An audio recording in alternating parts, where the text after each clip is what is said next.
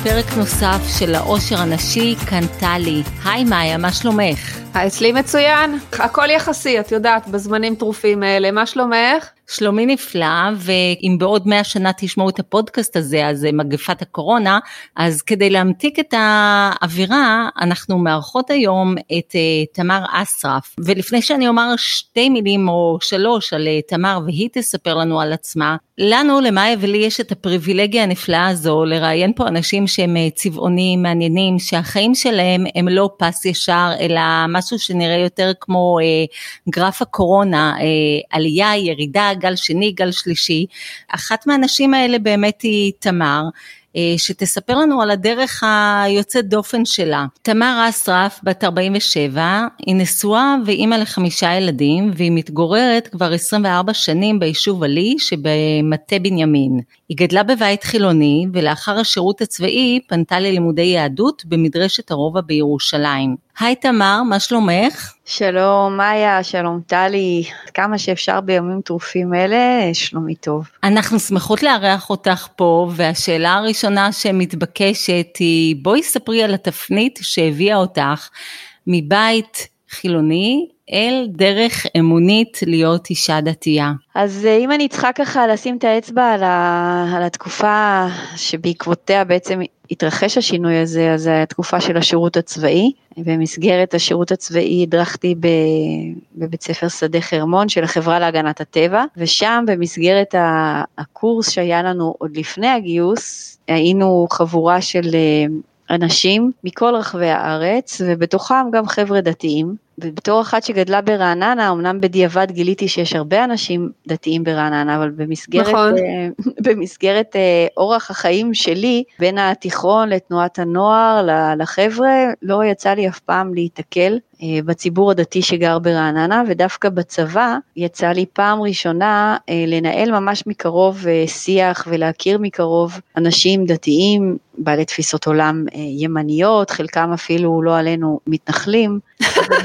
מופתעת לגלות שאין להם כן. אה, קרניים? זה לא שאין להם קרניים, הופתעתי לגלות אז יש. שהאויב, האויב, לא, לא חשבתי שיש להם קרניים, אבל הם בהחלט היו אויב אה, מר ולא אהוב. פתאום כשאתה פוגש את האנשים ויש להם פנים ויש להם שמות ויש להם גם דעות, ואז השיח שמתנהל איתם, הוא פתאום מקבל תפנית, כי כל עוד אנחנו, אה, את יודעת, בשומר הצעיר, בתנועת נוער שהייתי בה, שהיא הייתה מאוד מאוד אה, פוליטית, עם הרבה מאוד מודעות פוליטית, ניהלנו את הוויכוחים האלה גם בנושאים של דת ומדינה, גם בנושאים של שמאל ימין, עם עצמנו. המקסימום שהיה זה שיצאנו להפגין מולם, אבל אף פעם לא ניהלנו איזשהו שיח איתם. ופתאום כשאתה מנהל את השיח, אז א', אתה מגלה שוואלה, לפעמים יש גם תשובות אה, מעניינות. אחרות, כן, אתה, שאתה לא נתקל בהם, שאתה רואה סתם את התקשורת, כי יש חופש הביטוי כל עוד זה דעה אחת.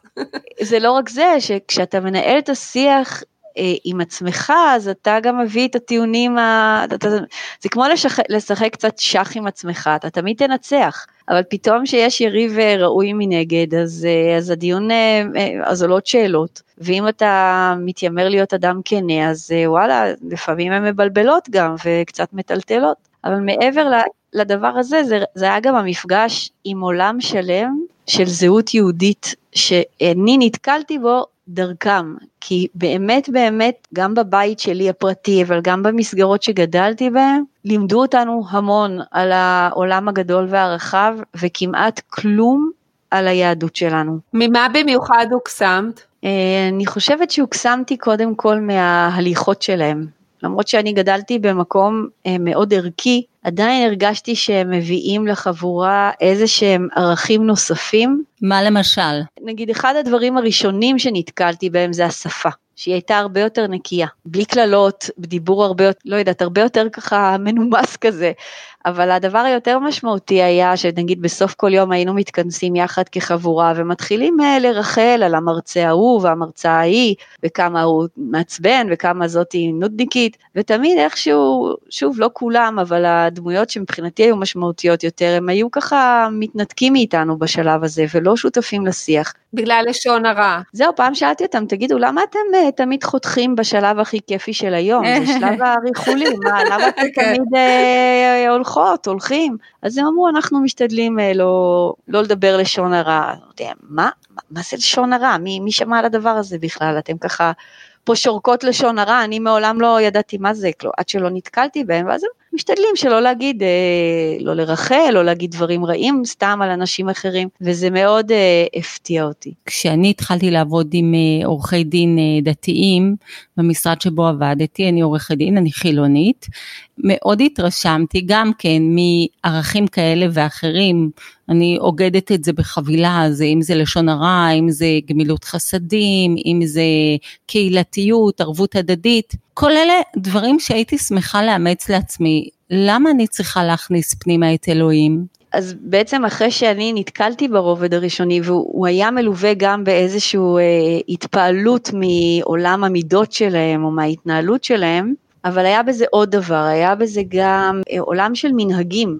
שהיה קשור בעצם ל-DNA שלי כ- כאישה ישראלית יהודייה שלא הכרתי אותו וידעתי מי זאת תמר וידעתי מה, מי זאת מה זה להיות ישראלית, אבל הבנתי שזה שכתוב לי אז בתעודת זהות שאני גם יהודייה, זה מין רובריקה כזו בזהות שלי שאין לי שמץ של מושג. ולשאלתך טלי, כשאני החלטתי בסופו של דבר בעקבות ההבנה של כמה ידע חסר לי ב, ב, בתחום הזה שהוא חלק בלתי נפרד מהזהות שלי, החלטתי לוותר על טיסה ליפן, תכננתי לטוס ללמוד זן וללכת ללמוד יהדות. לא יודעת כמה תכננתי להכניס את אלוהים או לא להכניס אותו, כמו שאת uh, מתארת, אבל ככל שלמדתי יותר וככל שהתחברתי יותר, זה הפך להיות משהו מאוד uh, ברור מאליו, שהרגשתי שיש לי זכות גדולה שהוא יהיה בחיים שלי ולא רציתי לוותר עליו. אז זאת אומרת שמלכתחילה הייתה לך איזושהי משיכה לנשגב או. לרוחני, רק שאת פירשת את זה שאת צריכה למצוא את התשובה מעבר לים, ופתאום גילית שהתשובה יכולה להימצא גם פה בארץ. יכול להיות. סתם, אני מניחה, אם רצית, אה, בכל זאת היית צעירה, וללמוד זן בגיל כל כך צעיר, זה יפה. שנקרא, אני מאשרת, אני, אני חושבת שכן. תוך כדי השירות הצבאי, קראתי המון על הודו, במקביל אה, לזה שחיפשתי ספרות על, אה, על זן, ולא היה אז הרבה בעברית, גם ניסיתי לקרוא כמה שיותר וללמוד על המזרח, על הודו, וסביב אה, ספר שקראתי שנקרא עיר השמחה על הודו, אני ממש זוכרת את הסיטואציה הזו שביום אחד קיבלתי קבוצה של חבר'ה יהודים מארצות הברית, שבסוף הארוחה שרו איזה שיר, ושאלתי אותם מה הם שרים בסוף הארוחה, והם אמרו שהם אה, מברכים ברכה, אז אמרתי להם איזה ברכה אתם מברכים? אמרו שהם מברכים ברכת המזון. אמרתי להם מה, מה זה ברכת המזון? הכרתי שהנוצרים עושים בתחילת הארוחה, אבל מה, מה מזמרים בסוף כן. הארוחה? אז הם אמרו לי אנחנו מודים לאלוהים על, ה, על האוכל. אז אמרתי להם, את יודעת, בתחושת מיאוס כזו, אה, זה ממש גרם לי לתרעומת, אמרתי להם, תגידו, למבשלת בחדר אוכל, הטבחית, ניגשתם להגיד לה תודה? להורים שלכם ששלחו אתכם לקייטנה ושילמו פה על ה... הם הגיעו מארצות הברית ושילמו, להם אמרתם תודה? מה הקשר של אלוהים לסיפור הזה בכלל? תגידו תודה. למי שאחראי על האוכל, איפה הוא נכנס לתמונה. וכמה ימים אחר כך התחלתי את הספר, ושם אה, באחד איזה ה... ספר? ספר שנקרא עיר השמחה של דומיניק לוטייר על uh, הודו. על... בקיצור, ושיש שם uh, חזרנו מטיול עוד פעם עם קבוצה של אה, בני נוער מארצות הברית, וככה בהפוגה לפני ארוחת ערב אני קוראת קטע שבו מתואר איך ילדים בהודו נוברים במשך יום שלם בערימת הזבל ומנסים לאתר כמה גרגירי אורז לארוחת ערב. תיאור מאוד אה, קשה, ואני מסיימת את התיאור הזה והולכת לחדר אוכל ומה מגישים בארוחת הערב. אורז. אורז.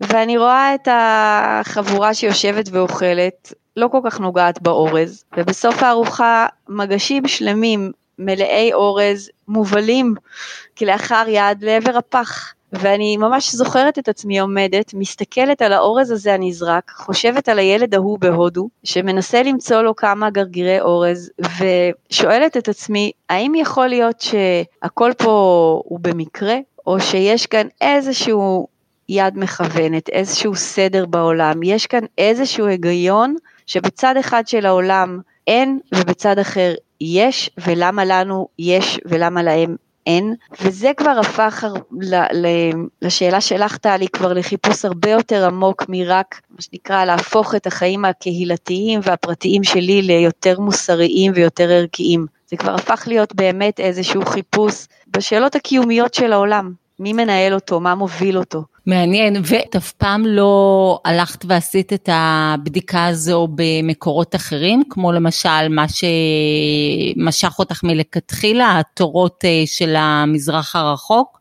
לבדוק מה האידיאולוגיות שם כאילו נותנות אה, כפתרון לשאלות שלך, או שנעצרת ביהדות? אה, האמת שלא נעצרתי, אני פתחתי דלת ונכנסתי פנימה לתוך עולם אה, מופלא ועשיר ומלא מלא בידע שלא הכרתי קודם והוא עורר בי המון המון שאלות שהיום אה, למעלה מ-25 שנים אחרי אני עדיין שואלת אינסוף שאלות ואני לא מרגישה שאפילו התחלתי למצות את כל מה שיש לעולם העשיר הזה לתת לי, וגם לא חשתי שום צורך עוד לחפש מענה במקום אחר. זה כמו לשאול מישהו שמצא את אה, אהבת חייו והתחתן איתה, להגיד לו, תשמע, אולי יש עוד אה, נשים אה, מוצלחות בחוץ, למה שלא תלך לנסות תגידי, אבל אה, איפה למדת את היהדות? איך התוודעת ליהדות? באיזה מסגרת? אז אני הגעתי למדרשת הרובע מכיוון ששוב, דרך ההיכרות של הצבא, אחת הבנות הדתיות, חברה טובה שלי, שהלכה בעצמה ללמוד, המדרשה הייתה מיועדת לבנות דתיות אחרי צבא ושירות לאומי. מה זה אומר מדרשה? מה לומדים שם? אה, במדרשה לומדים לימודי יהדות, הרבה מאוד אה, אמונה, אה, שיעורים שמלמדים את תורתו של הרב קוק והרמב"ם וגמרא ולימודי הלכה. את באת עם בנות דתיות שבטח ידעו הרבה יותר ממך על היהדות. אז באמת המקום הזה שזכיתי להיות בשנה הראשונה שלו, הוא נפתח עבור בנות דתיות אחרי צבא ושירות לאומי, מתוך איזושהי הבנה שאחרי תקופה כזו הם אה, ירצו לבנות מחדש את עולמן הרוחני. ואני הגעתי וחיפשתי עוד מקומות, דרך אגב, לא רק שם, אבל הרגשתי שכל שאר הדברים היו ליד, ואני חיפשתי את הדבר האמיתי, מבחינתי לפחות, וזה מה שהרגשתי שהגעתי למדרשה, וביקשתי בקשה מיוחדת. ואחרי שיחה עם, אה, עם ראש המדרשה, אה, אדם בשם הרב אוהד תירוש, לשמחתי הוא הסכים לקבל אותי, הוא כיוון אותי להיכנס לשיעורים מסוימים מתוך הבנה ששיעורים לצורך העניין נגיד בהלכה היו לי מאוד קשים או בגמרא היו לי מאוד קשים כי באמת שם נדרש רקע. כן, וגם מחויבות, לא רק רקע. הוא לא ידע לאן פניי מועדות, גם אני לא ידעתי, והאמת שממש לא תכננתי אה, לחזור בתשובה, מה שנקרא, אלא תכננתי להכיר וללמוד. והלימוד היה כל כך אה, מעניין והוא כל כך נגע אל הלב, שאני חושבת שכל בן אדם שהוא נתקל בדברים אמיתיים, הוא רוצה שהם יהפכו להיות חלק מהחיים שלו, טלי, כמו שאת אמרת מקודם, שאתה נפגש עם אנשים אה, ערכיים, כן. והם מביאים איזשהו עולם שאתה פחות מכיר אותו, אז אתה רוצה לאמץ את הדברים לבית שלך, לחיים שלך, לתרבות שלך, כי אתה מבין שזה משהו עוצמתי. ההורים שלך אבל לא התפלצו? ההורים שלי התפלצו זה מילה חריפה, זה לא היה קל, בהתחלה זה גם לא היה ברור שלשם זה הולך. באיזשהו שלב גם הבאתי אותם להכיר את האנשים שאני לומדת איתם ולהכיר את המקום, והתנאי היה שמה שלא יהיה זה הולך יד ביד עם הבית, שזה לא גורר ניתוק מהבית, ולאורך כל הדרך, אה, כל הזמן הרב אוהד אה, אמר לי שניכרים דברי אמת. מה שיהיה אמיתי הוא בסופו של דבר, אה, הוא בסופו של דבר יחזיק מעמד והוא בסופו של דבר יפתח את הלב, והוא צדק. עד כמה הרגשת שיש לך תמיכה בחברה שלהם? זאת אומרת, נניח בחברה החילונית אנחנו נורא שמחים לכאורה לקלוט את אלה החוזרים בשאלה ולפחות יש כל מיני תוכניות שעוזרות להם אה, להיקלט עם זה ולהשלים פערים, אם זה מבחינת חומר לימוד, אם זה לתמוך בהם קצת כלכלית, אם זה לתת להם בית חם במקרה שהמשפחה התנערה מהם. האם הרגשת שיש איזשהו מערך תומך שישר בנו לך כדי להרגיש שאם יש לך ספקות, אם יש לך קשיים, אם נוצרים קונפליקטים בין העולם שחיית לפני כן לעולם הזה שאת אה, הולכת אליו, רצו בעצם לקלוט אותך ולכן היה חשוב נניח, לא יודעת, להצמיד לך חונך, סתם, קוראת לזה חונך, להצמיד לך חברה מלווה, להצמיד לך רב, לאפשר לך יותר שעות ייעוץ. מבינה למה אני מתכוונת? אני עושה קודם כל הפרדה בין המדרשה, בסדר? שהיא כן. מקום שבו למדו גם בנות דתיות, ושם כמו מסגרת אה, לימודית, אה, יש את מי שלימד ויש את מי שאפשר היה לפנות בשאלות והיו חברות. כמו באקדמיה שהיא מסגרת תומכת ללומדים בה והחברים בכיתה הם, אה, הסטודנטים הופכים להיות חבורה, או חלק מהם, את יודעת, נהיות חבורות חבורות, כן. אז באותה מידה זה מה שקרה גם במדרשה. אה, כמובן שיש פה אלמנט נוסף שהוא גם פתיחת הבתים אבל זה לא היה במיוחד עבורי, כי, כי ברגע שזה משהו שהוא כולל בתוכו שבת וחגים ומארחים בארוחות שבת, אז הרבנים או הרבניות שלימדו, זה בניגוד למרצים באוניברסיטה, שזה נשאר בתחום האקדמיה, פה זה גם אה, הם מגיעים לשבת למדרשה, הבנות mm-hmm. המדרשה מגיעות אליהם הביתה, והמסגרת היא כזו לא עבור החוז, החוזרת בתשובה היחידה שיש שם, אלא היא מסגרת כזו עבור כל הבנות. Mm-hmm. כציבור, באופן כללי, הציבור של הציונות הדתית הוא לא, כמו שמאיה אמרה, הם לא מיסיונרים. זה לא אירוע מיסיונרי, זה גם לא אירוע של איזה יופי חצית את הקווים, אבל יש כן המון אה, עניין mm-hmm. ואיזושהי תחושה של uh, חיבוק מאוד מאוד גדול, לא חונק, ממש לא בהיבט של uh, איפה את ולאן פנייך מועדות, אלא איזושהי uh, סקרנות והערכה מאוד מאוד גדולה, את יודעת, כאנשים שנולדו לתוך מציאות, שהיא מציאות שיש בה המון דברים אדירים, mm-hmm. אבל גם מציאות מחייבת. Mm-hmm. שמירת ההלכה היא בעצם דבר מחייב, ואדם שהוא כן. נולד לתוך המציאות הזו, הוא לא בוחר בה, היא חלק מהחיים שלו, הוא מבין שהיא לטוב ולרע, אלו הם חייו, ואדם שלא נולד לתוך המציאות הזו ובחר בה, יש איזושהי הערכה מאוד גדולה, שאני חושבת שבכלל אדם שבוחר לשנות את אורח חייו, אה, הוא אדם אה, שמעורר סקרנות ואיזשהו... אני מאוד מסכימה עם זה. כן. תמר, יש לי שאלה. אני בתור חילונית, רואה את הציונות הדתית אה, כאחד מעמודי התווך הכי חשובים של החברה הישראלית. אני מעריכה, אני מעריצה, אני באמת חושבת שאנשים סופר ערכיים. ואני תוהה מדוע חילוני שרוצה להתקרב אל הדת בוחר לחזור בתשובה לפלח החרדי שהוא כל כך רחוק במהות שלו מהחילוניות ומהציונות. יש לך הסבר לעניין הזה? האמת שלא. אני גם שותפה לתהייה הזו. אני אגיד לך אפילו יותר מזה. ב... לי יש מחשבה דרך אגב, אבל תגידי. לא, אני, אני גם uh, מהמעט שאני נגיד קראתי סביב הדברים של uh, נועה ירון דיין, גם דרך uh, מקימי ואחר כך בספר השני שהיא כתבה, יש יחס מאוד לא פשוט לציבור החוזרים בתשובה. שנכנסים לעולם החרדי בחלק מהמקומות. הם איפשהו אה, מעידים על עצמם, בסדר? או, לא אני אומרת, אלא הם מעידים על עצמם שהם חשים שהם מעין אה, אזרחים סוג ב' בתוך העולם החרדי. גם אני שמעתי כן. בכל מיני ראיונות ששמעתי את, אה, את נועה דיין אה, מתראיינת, כל פעם אה, אמרתי לעצמי, למה? למה, למה ללכת ולבחור אה, לחיות במקום שבו מתייחסים אלייך ואל הילדים שלך בתור אזרחים סוג ב'.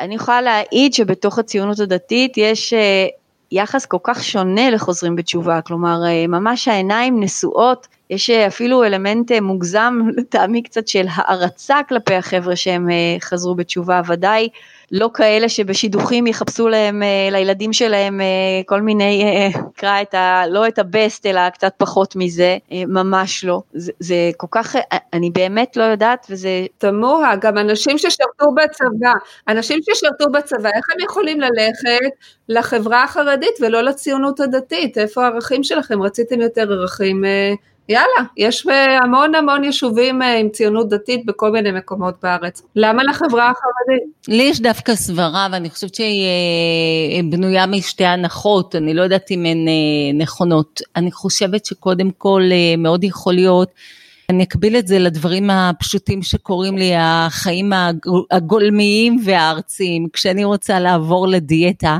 אני מתחילה אותה בכסח. זאת אומרת, זה לא שאני אפחית רק את השוקולד מהסוג הזה, אבל אני אשמור לעצמי את העוגה ואת הוואפלים והקצפת. אני קמה יום אחד ואומרת, חלאס, עכשיו דרסטי, אחרת לא יהיה שינוי. יכול להיות שבהקבלה... את אומרת ריאקציה גוררת ריאקציה. יכול להיות שמה שאדם צריך כדי להחזיק אותו בתוך התהליך של השינוי המאוד מאוד משמעותי הזה, זה, זה, זה אה, הקצנה של אה, שינוי.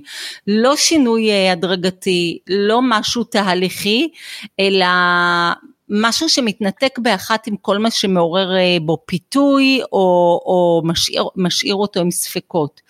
וההנחה השנייה שלי, שאני גם אומרת, זו הנחה בלבד, אה, שאני כאן חושבת שהחברה החרדית היא מיסיונרית הרבה, היא, היא כן מיסיונרית בעיניי, אה, החברה הדתית הלאומית היא, היא לא כזו ואני באמת מתוך ההזדמנות והייתי ברת מזל לעבוד עם אנשים שהם אה, דתיים, גיליתי אנשים פתוחים, מקבלים, אה, ששמחים ותורמים, לספר. ותורמים. ברור, ברור, אבל אני אומרת, בשום שלב לא הרגשתי שיש להם רצון לכפות את תפיסת העולם שלהם ואת התפיסת רוחניות שלהם עליי, ממש לא. וזה אה, עורר בי הרבה מאוד הערכה וגם אה, יצר בי איזושהי הבנה שיש דברים שאני בעצם תופסת אותם כסטריאוטיפים, זה מגזר שלם שהוא לא מיסיונרי, זה מגזר שלם שהוא הרבה יותר פתוח והרבה פחות שיפוטי ממה שייחסתי לו ושמחתי לגלות את זה. אמ, אז אני חושבת שהסיבה שבאמת אה, חוזרים בתשובה אה, אולי נקלטים יותר או עוברים לתוך העולם החרדי זה משתי הסיבות האלה שהמעבר יהיה חד כדי שיהיה פתאום אה, קל יותר להתמודד עם אה, פיתויים שנשארו מהעולם הקודם ובגלל שהצד השני הרבה יותר אה, מיסיונרי ובקלות יאמץ אותו בחיבוק דוב לא רק חיבוק דוב כזה שכמו הוטל קליפורניה נכנסת אבל אין דרך לחזור. אני חושבת שהניתוח שלך הוא, הוא נכון נגיד אני מסתכלת על שוב מהספר מקימי של נועה, היא הגיעה, אה, גם היא, גם בעלה וגם אחרים, הם מעידים על עצמם שהם מגיעים אה, מאוד אה, ממצבים של ייאוש, של קושי, של קצה של מיאוס מהעולם שבו הם, שבו הם חיים, ובאמת אחר חיפוש אחרי משהו שהוא לוקח אותם למקום אחר לגמרי, ואני חושבת שתשובה שהיא באה לא מתוך, ה, מה, מתוך הג'יפה, אלא ממקום שאתה מגיע ממקום אה, טוב לך בחייך הנוכחיים, אבל אתה כן פתוח ושואל, ו... אז היא לוקחת למקום קצת אחר, ואתה כן לא חייב את הדיאטה, כמו בהשוואה של טלי, הכסח, אתה יכול גם לחפש, אה, לעשות טעימות מפה ושם מדברים אחרים. גם החזרה בתשובה החרדית, היא, יש בה המון גוונים, כמו בעולם החרדי, יש ברסלב, יש אה, ליטאים, יש חסידים, זה, זה עולמות של, שלמים, כל אחד הוא משהו אחר. כן הציונות הדתית בניגוד לעולם החרדי היא מאוד מאוד כללית מכיוון שהיא גם ציונות וגם דתית והיא נשענת על תורת הרב קוק היא תורה מאוד לאומית מאוד כללית. הברסלביות למשל שהיא מושכת הרבה מאוד אנשים אליה היא משהו מאוד אה, היא הרבה יותר פרטית, היא הרבה יותר עוסקת באדם, בסערות אה, הנפש שלו, בעצמו, בתהליכים שהוא עובר כאדם פרטי. וחלק גדול מאותם חוזרים בתשובה הם, הם שימו לב שהם אומנים, הם מגיעים מהעולם הזה ש, שהברסלביות מאוד מדברת אליהם, הם לא עסוקים בפן הלאומי. זה גם סוג של אסקפיזם, כמו שהם היו בבועה של כל הסמים והחגיגות ואני לא יודעת מה עשו קודם, הם נכנסו לבועה אחרת, הלכו מאסקפיזם אחד לאסקפיזם שני, בפחות אחריות, מאוד יכול להיות. לצורך העניין העולם, ה... עולם האומנות היהודי שעכשיו עובר תהליכים של פריחה, הוא הרבה בזכות אותם חוזרים בתשובה, ששוב הם לא במסלול הלאומי, לא תראו אותם אה, מדברים על אה, ארץ ישראל ועל תורת אה, ארץ ישראל ומדינת ישראל, הם מאוד עסוקים ביצירה של עולם הנפש והרוח, וזה מאוד מתאים להם המסלול הזה, ולכן אני אומרת יש מקום גם לזה וגם לזה, וכל דבר מביא איתו אה, לעולם הרבה מאוד ברכה. ואני יוצאת מנקודת הנחה שאם הם שם אז טוב להם בסופו של דבר, אה, כל אחד מתאים לו משהו אחר. המימד הלאומי הוא לא הכרחי לקשירה יחד עם המימד הדתי. ומצד שני, מרבית הדתיים, חובשי הכיפה הסרוגה, הם אה, צבועים באיזושהי אידיאולוגיה לאומית שמתייחסת ה, ל, לארץ ישראל בשלמותה או לא, זה פן אחד, ופן אחר בתוך הנושא של הדתיות הזה, אילו היית מקבלת מענה לשאלות שנשאלו, למשיכה שלך לעולם הרוחני, אבל לא היית מקבלת יחד עם זה את כל המימד הקהילתי.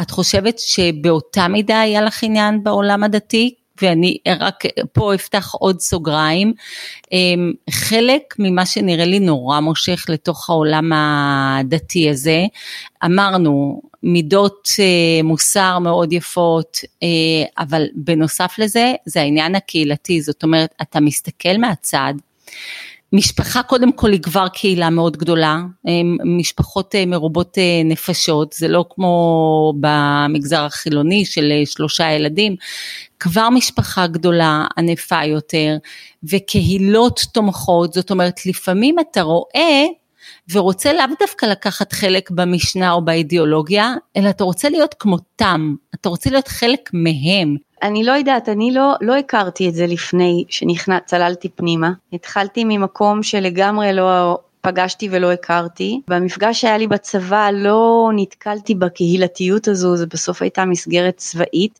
כן נתקלתי שם במשהו אחר, בשבתות נגיד, שאנחנו היינו אה, במסגרת הקורס, אז הצוותים הדתיים היו נוסעים לקשת או לאיזשהו יישוב דתי, והם שם היו עושים את השבת. וכשהם היו חוזרים במוצאי שבת וחוזרים אלינו לקורס, אז השיח היה איך היה בשבת, מה היה בשבת, ותמיד זה סקרן אותי, מה כבר יכול להיות בשבת, עם כל הכבוד לשבת. מה זה, מה, מה זה עולם השאלות הזה, וישבנו ואכלנו ושרנו, והיה סעודה שלישית מדהימה, והיה זה, והיה שיעור, וכל העולם הזה של שבת הוא היה ממש אה, משהו שמעולם לא שמעתי אותו, והוא מאוד מאוד סקרן אותי. כשאני התחלתי להיכנס פנימה ולהבין בעצם מה זה שבת, עולם הקהילה הוא, הוא הגיע רק אחר כך, אני הגעתי מדלת אחרת פנימה, לא, לא מלראות ולהכיר.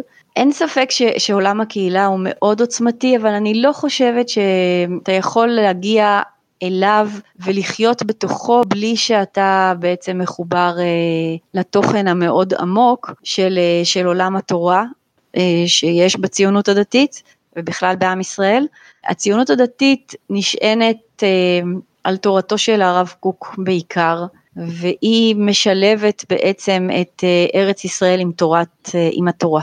ועם עם ישראל, זה איזשהו שילוב כזה של עם ישראל, תורת ישראל וארץ ישראל, ואני יכולה להעיד על עצמי אה, בתור אחת שבמסגרת הקורס בצבא התרעמה על זה שלוקחים אותנו לבית ספר שדה הר גילו כי הוא מעבר לקו הירוק, אבל כשאני בחרתי, אחרי שהתחתנו גרנו כמה חודשים בירושלים ואז החלטנו לעבור לעלי ופתאום לא ראיתי קו ירוק, בכלל לא, זה לא היה משמעותי בעיניי שיישוב עלי נמצא מעבר לקו הירוק. אז אתה מסתכל רגע על עצמך ושואל, אוקיי, מה קרה כאן? ככה אני מבינה את זה, ככל שאני יותר התחברתי לזהות היהודית שלי ולשורשים שלי ולתנ"ך ולעולם התורה המאוד עשיר היהודי, ככה יש גם חיבור טבעי לארץ ישראל, כי ארץ ישראל היא לא איזה אירוע נפרד מעולם התורה. בסופו של דבר היא משהו שעולם התורה היותר שלם יכול להתקיים רק בה. ממילא כל מי שמחובר לתורה אה, חייב להיות מחובר גם לארץ ישראל אם, אם הוא מחובר נכון. אומרים שיש את חיי העולם הבא, זאת אומרת היהדות כנראה מכירה בזה שהגוף בסופו של דבר הדבר הארצי מתפוגג וחוזר להיות אפר ומה שחשוב זה הנשמה. אני לא חושבת שהיהדות אה, מזלזלת בעולם החומר, היא ודאי אומרת יש עולם הזה, יש עולם הבא, שהגוף יהיה כמה שיותר כלי ראוי להכיל בתוכו את עולם הרוח, כי יש משהו במקום הזה, בחיבור שבין הרוח של עם ישראל לפיזיות של ארץ ישראל, שהוא מביא משהו אחר לעולם. אי אפשר לקיים חלק לא מבוטל מהעולם ההלכה היהודי כשאתה לא נמצא בארץ ישראל. בארץ ישראל הכוהנים מברכים אה, בכל תפילה, זה למשל החלק שאני נתקלתי פעם ראשונה בדבר הזה שנקרא ברכת כהנים, אני מררתי בבכי, זה היה כאילו דבר לא נורמלי בעיניי, שעומד בן אדם שעד לפני רגע הוא היה כמוני וכמוכן, עמד לידי פה בשורה, ופתאום הוא ניגש קדימה והוא הופך להיות אה, אה, צאצא של אהרון הכהן, הוא, הוא איזשהו חוליה כזו באיזושהי שרשרת אה, ארוכה וברורה של אה, דורות על גבי דורות עד אהרון הכהן, והוא פורס את ידיו כמו שנאמר לאהרון הכהן, והוא מברך אותנו. איזושהי ברכה עתיקת יומין שמלווה את העם שלנו במשך שנים. עכשיו, שוב, אותי ברמה אישית זה מאוד מאוד ריגש, סתם פתח סוגריים, הפעם הראשונה שראיתי ברכת כהנים הייתה בבה"ד 1, לא קשורה לשירות שלי אלא לשירות של בעלי, והמג"ד, המג"ד הקשוח, המרוחק, פתאום נעמד אה, בבית הכנסת עם כל הצוערים ועומד ומברך אותם ברכת כהנים, הוא פתאום הופך להיות מהמג"ד הקשוח לזה שמברך, זה, זה, אותי זה מאוד ריגש. אה, אנחנו כמה ימים לפני הבחירות אה, לארצות הברית, ונראה שהנשיא דונלד טראמפ נתן רוח גבית לא קטנה לכל עניין ההתיישבות, גם ביו"ש וגם אה, ברמת הגולן.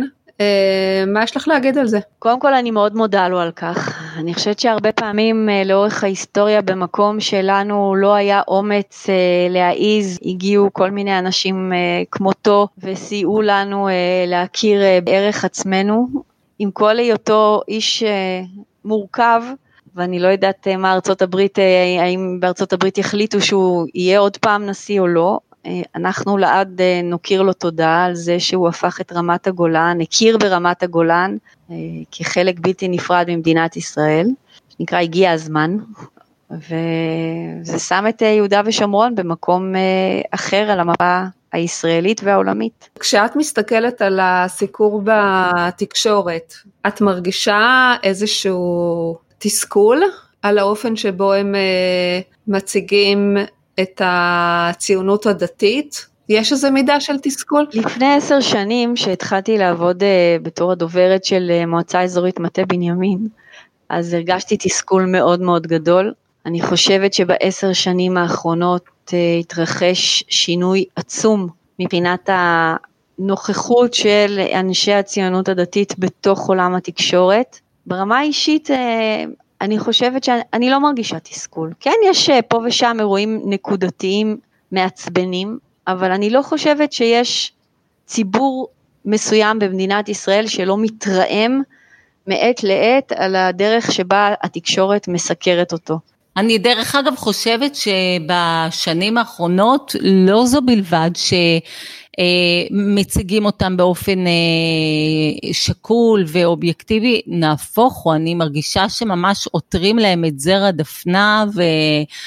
הציונות הדתית היא לכאורה האליטה שבאליטה, כך זה נודף כמעט מכל אה, תקשורת כתובה או מדוברת, כאילו יש איזה סטטוס קוו, עכשיו באמת יכול להיות כמו שאת אומרת, שזה תהליך, זה לא היה ככה לפני עשר שנים. לגבי האידיאולוגיה שלהם בכל מה שקשור לארץ ישראל, אה, בוא נאמר, אני לא חושבת שזה בא לידי ביטוי בצורה מאוזנת בתקשורת, כך, כך אני התרשמתי. מצפייה בחדשות אה, ערוץ 13, 12, 11. לפעמים זה לא בא בצורה מאוזנת, ולפעמים זה בא כדרכה של תקשורת, דרך אגב, אני לא חושבת שעולים מאתיופיה מרגישים שהם זוכים לסיקור יותר, אה, לסיקור יותר הגון, ולא, גם לא להבדיל לערביי ארץ ישראל או עולים מברית המועצות. בדיוק אה, ראיתי איזה סרטון על מישהי שפונה בכעס לאבישי בן חיים ואומרת לו, אתה עסוק בישראל הראשונה והשנייה, אבל מה עם ישראל השלישית? זה אנחנו העולים.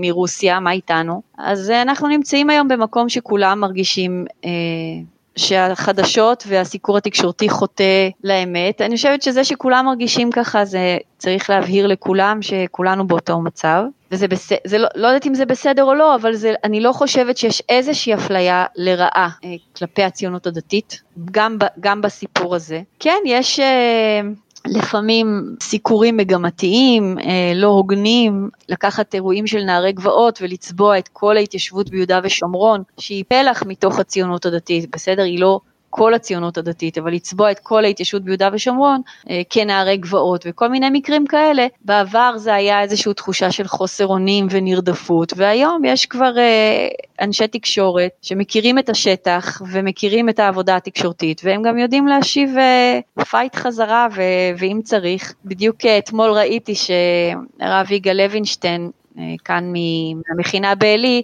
זכה בתביעת דיבה כנגד גלי צה"ל בטענה שדבריו הוצאו מהקשרם והוא צוטט שלא נכון והוא זכה במשפט. יפה. אז הוא לא, הוא לא יצא פראייר והוא השתמש בבית המשפט וגם אה, גל"צ גם יתנצלו וגם ישלמו לו סכום מכובד של קנס על אה, הוצאת הדיבה. אז אה, יש היום כלים, ואם משתמשים בהם בצורה נכונה, אפשר אה, להשיב fight. צריך לעבוד, לא לקטר. בגדול זאת הגישה שלי. אני ממש מעריצה את הגישה שלך, אני חייבת אה, להגיד, אה, לא ברחת מהעולם הקודם לאיזה עולם אחר, ואת ככה היה לך טוב בחילוניות, ועוד יותר טוב לך בדתיות.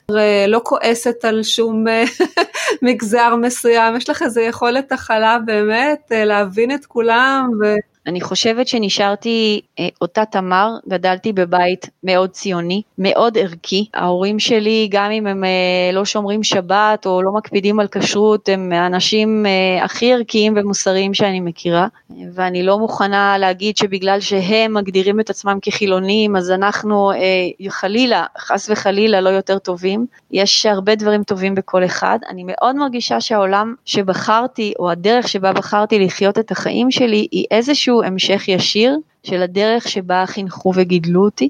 אה, גידלו אותי לשאול שאלות, גידלו אותי להיות ישרה, גידלו אותי להיות אכפתית, גידלו אותי לאהוב את הארץ הזו, ואני לקחתי את הכל ומה אה, שנקרא לאיזושהי דרך חדשה משלי, אבל היא מאוד מאוד אה, קשורה והיא בניין של איזושהי קומה נוספת על גבי העולם ש, שבו גדלתי, היא לא משהו אחר, היא לא משהו שונה. בתור מישהי שמקשיבה עכשיו והיא במהלך ראיון הייתי מתה שתעברי עוד שלב ובעצם תלכי לכיוון הבודה או הזן או משהו אחר וככה נשמע על מה שנקרא כמה גלגולים והשוואות ביניהם וכי אני אומרת לעצמי, אם, אם כבר ציינת את זה, שאת אותה תמר בעצם שגדלת על אותם שורשים ועל אותה דרך שהם יסללו לך בבית, של לשאול שאלות, אז לי תמיד נראה שבאיזשהו מקום שאלת השאלות פוסקת באיזשהו מקום בדת, כי, כי ככה זה, יש את האקסיומה הבלתי ניתנת לערעור שמתחתיה אי אפשר לחתור,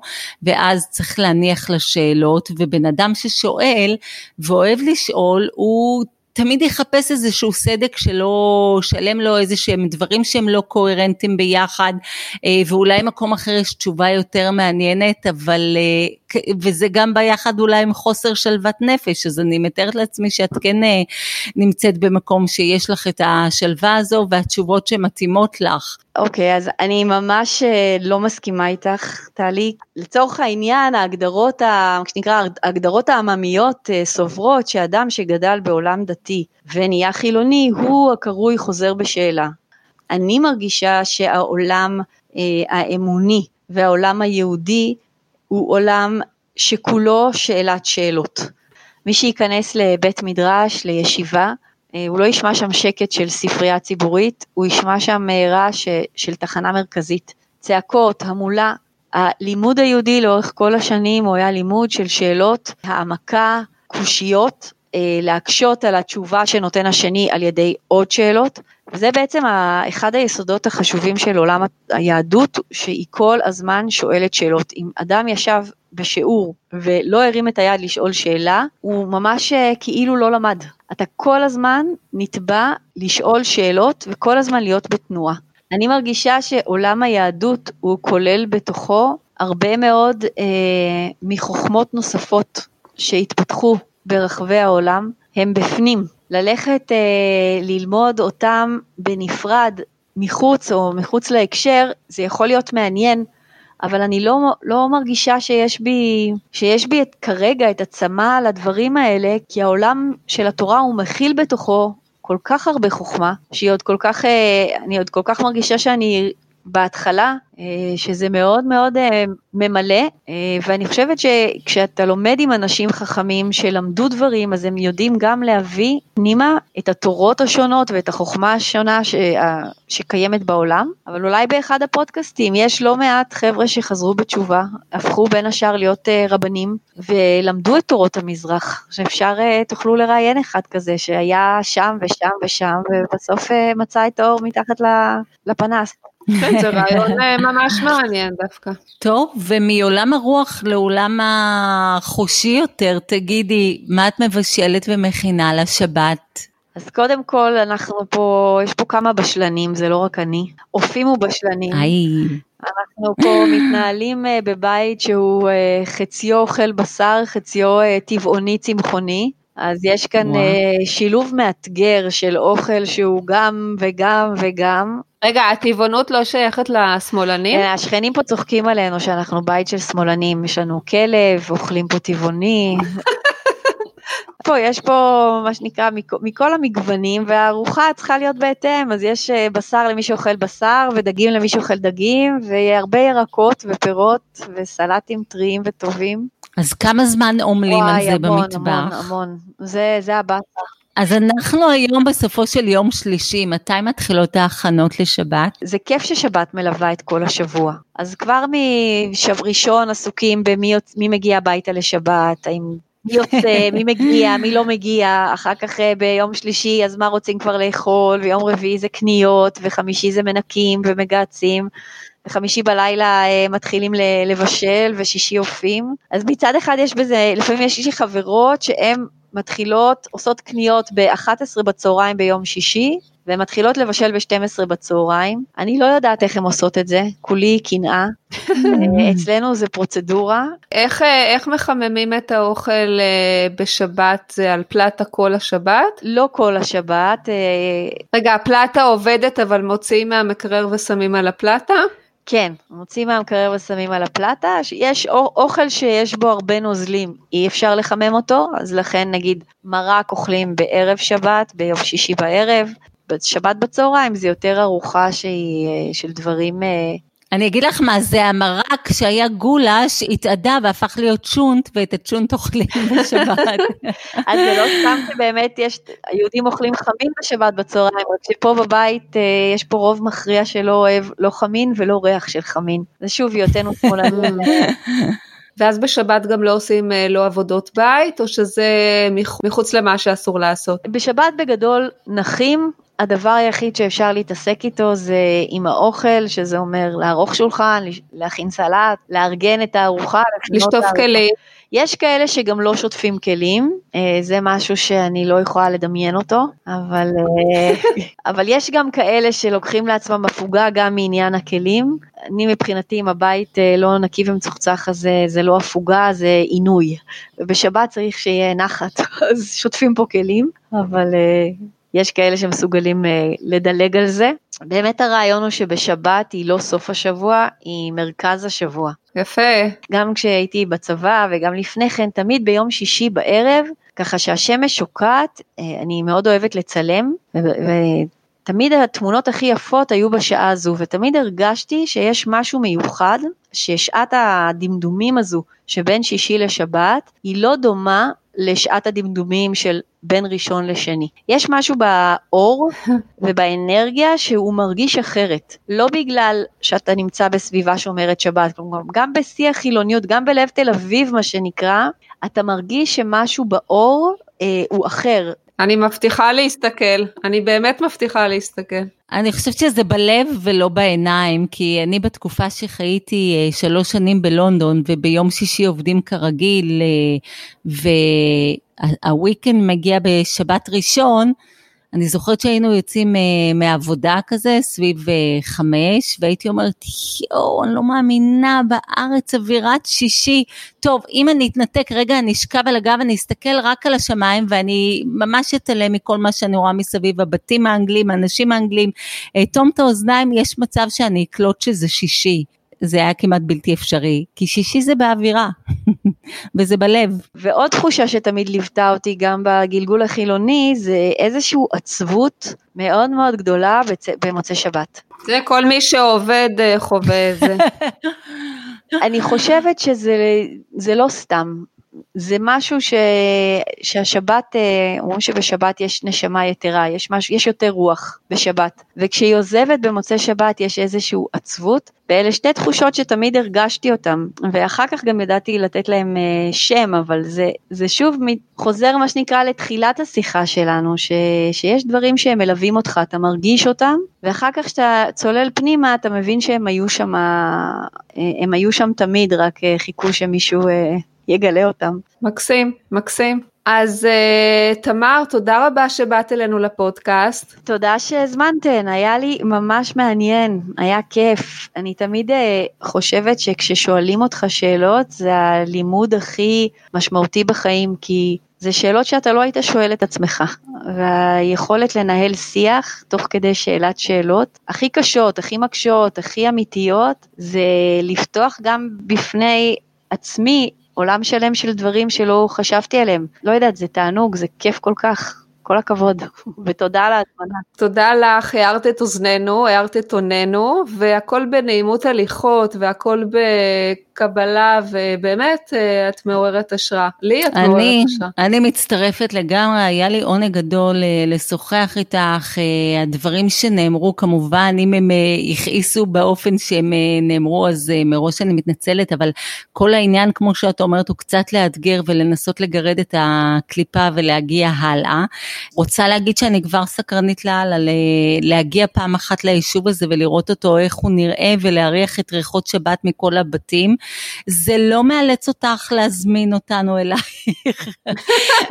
זה רק מזכיר לי. אם אני יכולה להגיד שאני מחכה שקצת יירגעו פה ענייני הקורונה ותבואו שתיכן אה, לאיזשהו ביקור, אני לא אומרת תבואו, מה שנקרא, כמו שתמיד צוחקים, תבואו לעשות שבת, אבל תבואו כן לראות ולהיפגש, כי אני חושבת שגם יש פה המון נשים עם סיפורים מרתקים, נשים מעוררות השראה. אני בטוחה. ואפשר לקבוע כן. איזשהו אה, יום שיהיה לכם נוח, כמה שעות ככה, לעזוב הכל ולבוא לאיזשהו... בשמחה, ממש מעניין אותי. זה יכול להיות מרתק. לגמרי. ממש. אז ראו זאת כהזמנה. אז אה, סגרנו. קיבלנו אותה.